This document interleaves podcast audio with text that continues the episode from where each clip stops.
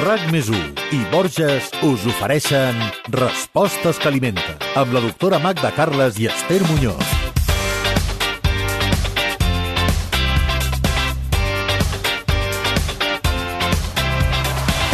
Són cruixents, sabrosos, eh, temptadors, però des de sempre es diu que els fregits són poc recomanables. Tots salivem amb els arrebossats dels nostres fills, però per la majoria d'adults són un caprici gairebé prohibit. La doctora Magda Carles defensa que potser no hem de castigar-nos tant i entendre que si està ben fet, el fregit pot tenir un lloc a la nostra dieta, encara que sigui doncs, un lloc petit. En el 47 podcast de Respostes que alimenten parlarem de com gaudir dels fregits sense que ens perjudiquin.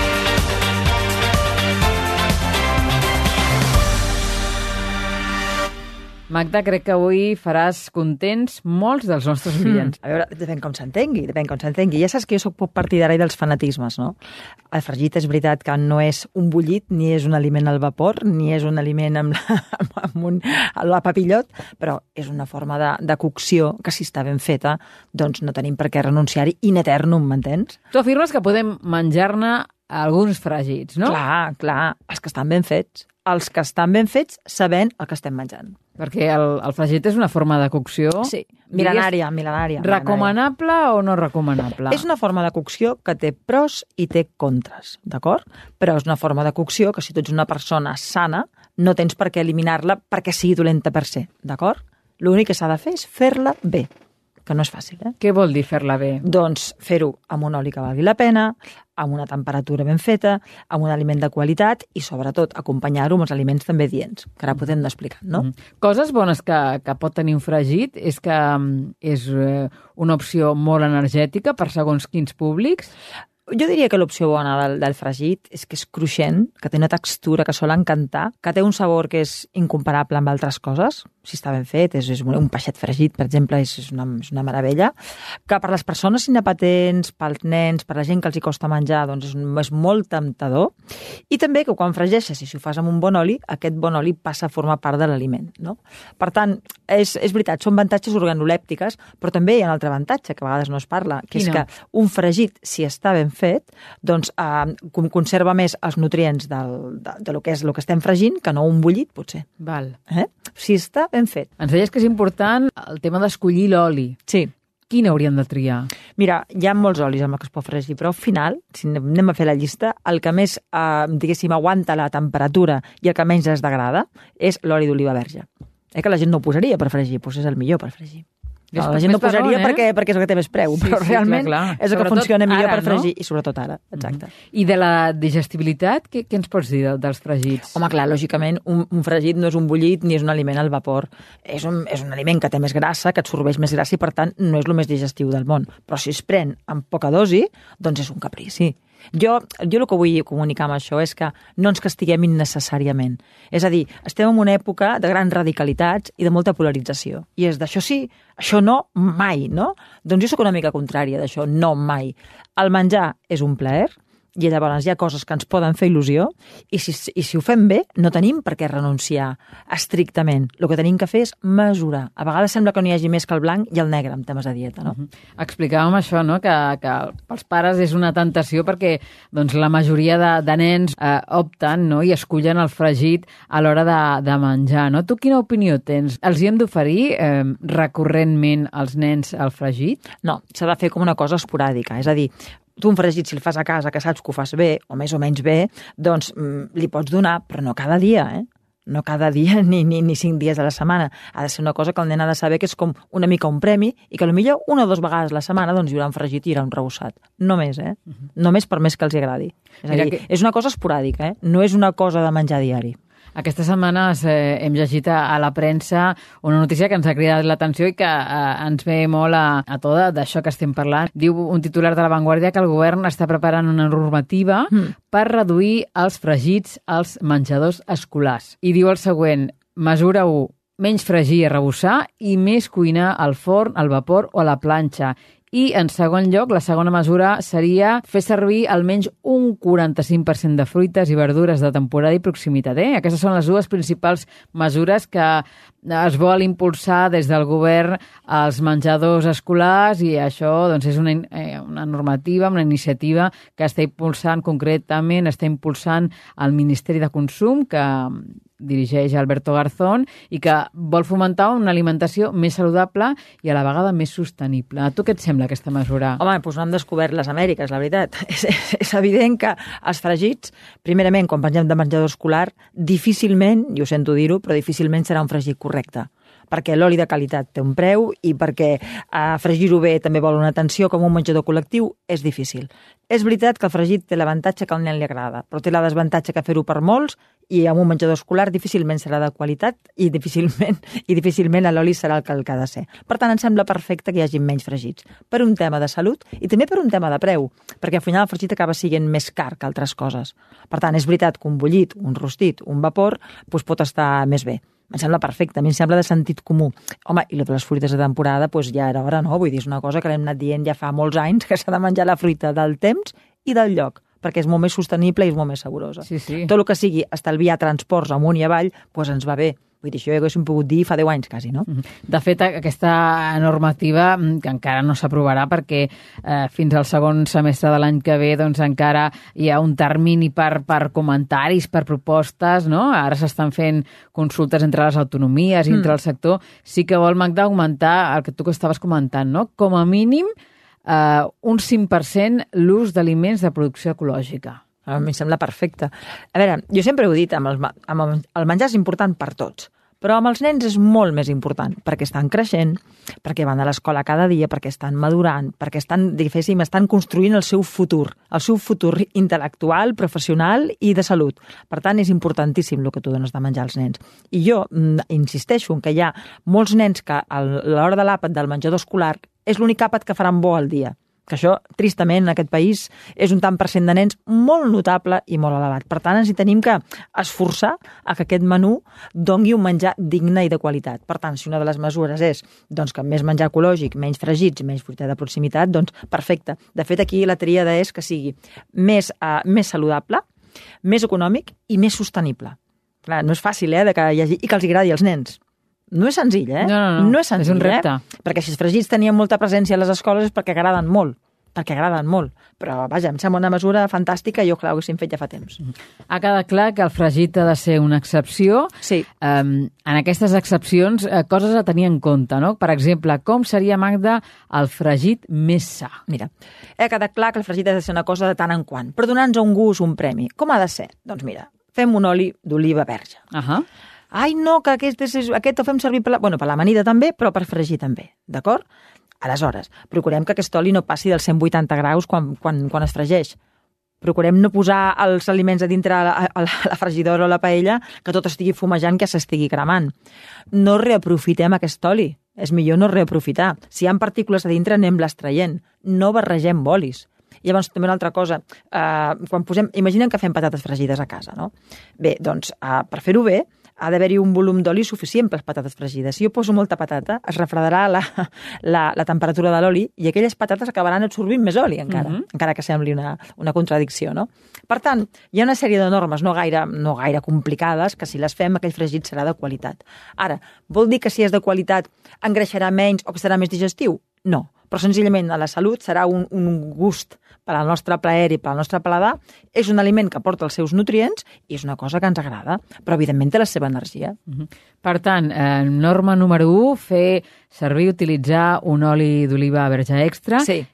Què passa amb la mantega o amb la margarina? Uh -huh.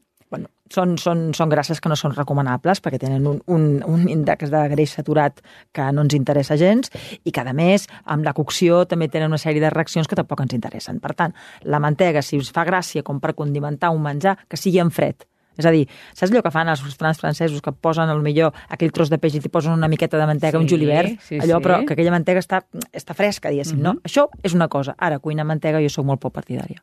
És a dir, escalfant-la, eh? Tot i que sí, sent qualsevol cuiner em dirà tu què, tu què dius, no? Perquè està molt bona i realment a nivell gastronòmic és extraordinari, no? El gust que dona la, la, la mantega de qualitat, però des del punt de vista de la salut també ha de ser una cosa esporàdica. Eh, després, qualsevol aliment eh, el podem fregir? Home, un aliment que sigui molt gruixut no podrem perquè se'ns quedarà torrat de fora i de dintre no. Jo crec que els aliments per fregir són aliments que necessitin poca cocció. És a dir, que, que es coguin petits i que es coguin ràpid, perquè no oblidem que els aliments, quan més ratos estan a la cocció, més nutrients perden.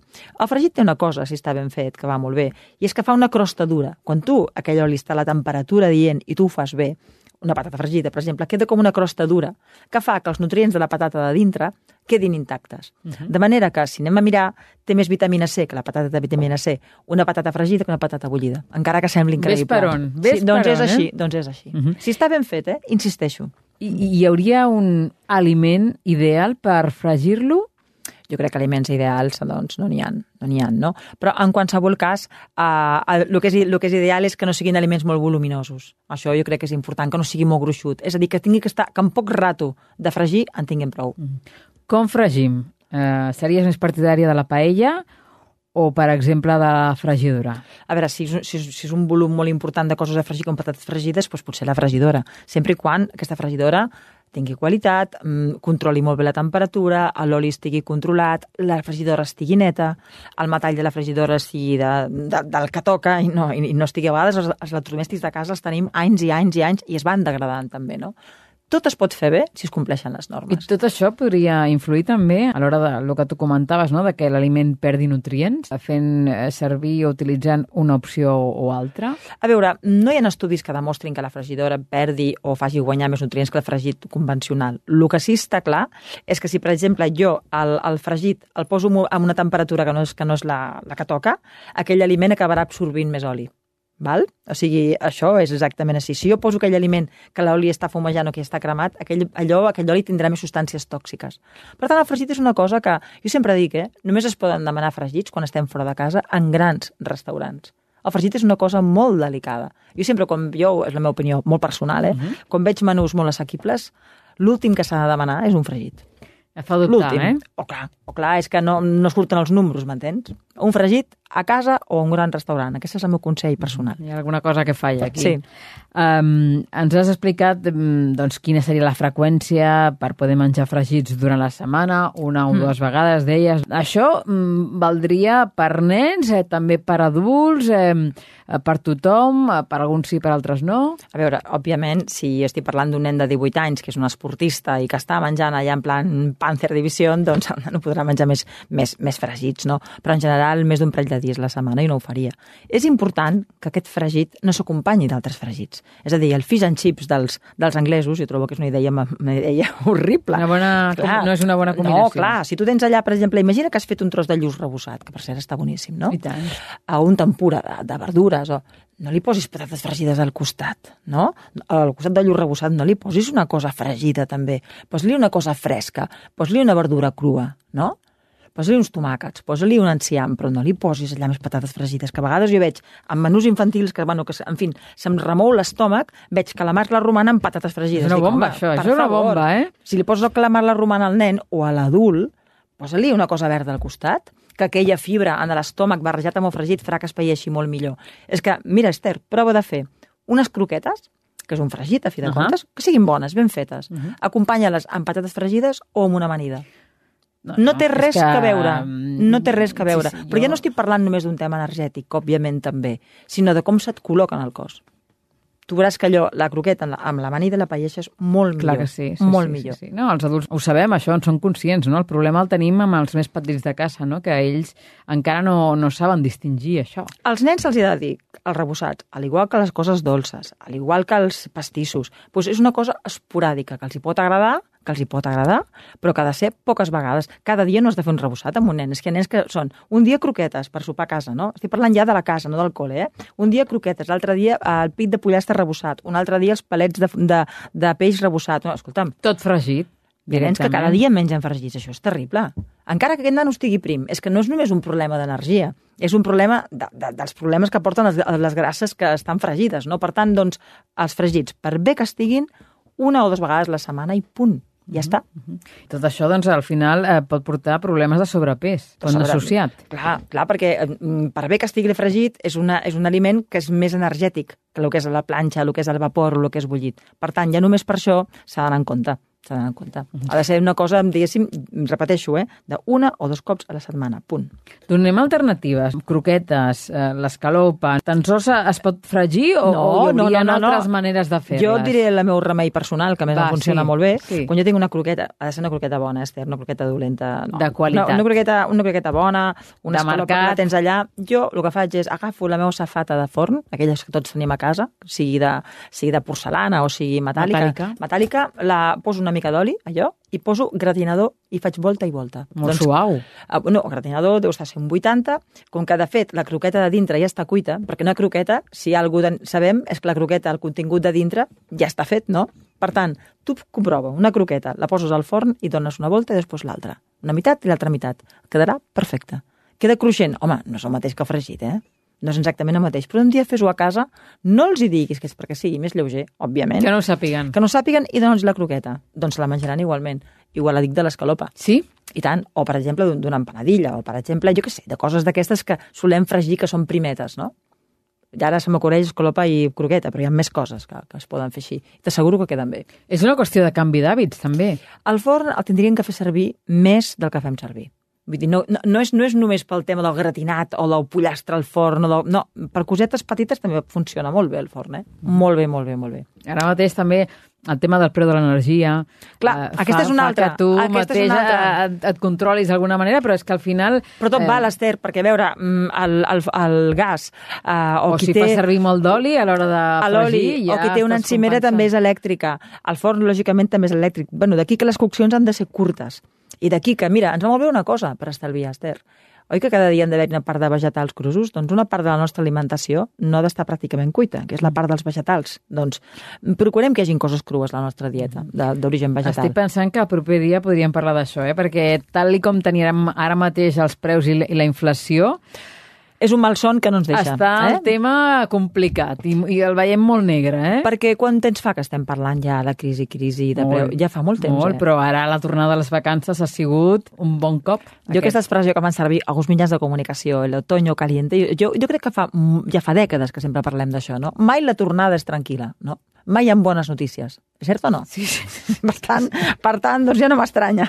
Sí, sí. Eh, Jo crec que hem fet un repàs bastant al detall del tema del fregit Sí. i, i de com menjar-lo i menjar-lo sant. No sé si creus que hi ha alguna cosa que ens haguem deixat al tinter. Mira, jo, com, jo el que faria per últim és, eh, parlant de fregit, és eh, que, el primer, que no cal eliminar-lo de la nostra vida de manera dràstica, sí que cal fer-lo bé i, si ho fem bé, mm, utilitzar-lo molt esporàdicament. I que, sobretot, no recordem que el millor oli per fregir, al final, és l'oli d'oliva verge. Aquest és el missatge Sí. principal. Respostes que alimenten. Amb la doctora Magda Carles i Esther Muñoz.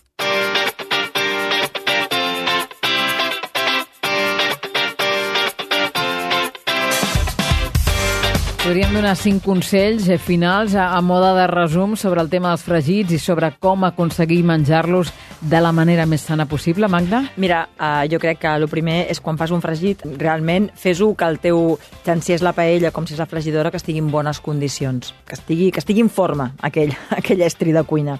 Lo segon, ja ho repetim, que l'oli millor és l'oli d'oliva, l'oli d'oliva verge. Lo tercer és que la temperatura que no pugi dels 180 graus. Quart, que no barregem olis, sisplau, no fem barreges d'olis, que no el reutilitzem, i que procurem que la cocció sigui ràpida, no el tinguem molt de rato allà fregint i dale, dale, dale. Val? I després que el millor per acompanyar un fregit és un vegetal cru. Aquest és el millor maridatge que se li pot fer a un fregit. Un vegetal cru.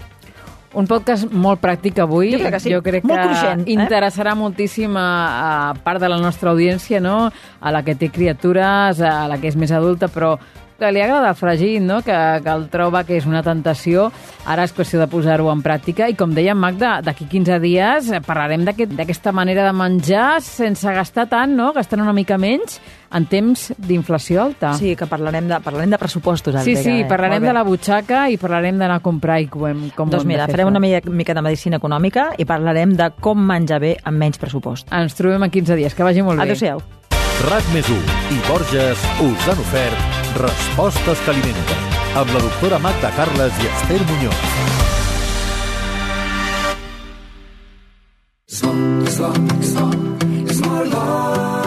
Cuidar-se és el més important. A Borges sempre et portem els productes més naturals perquè cuidem la terra que ens els ofereix i els elaborem de la manera més sostenible possible, com la nova ampolla d'oli feta en plàstic reciclat. Borges. Que bo que és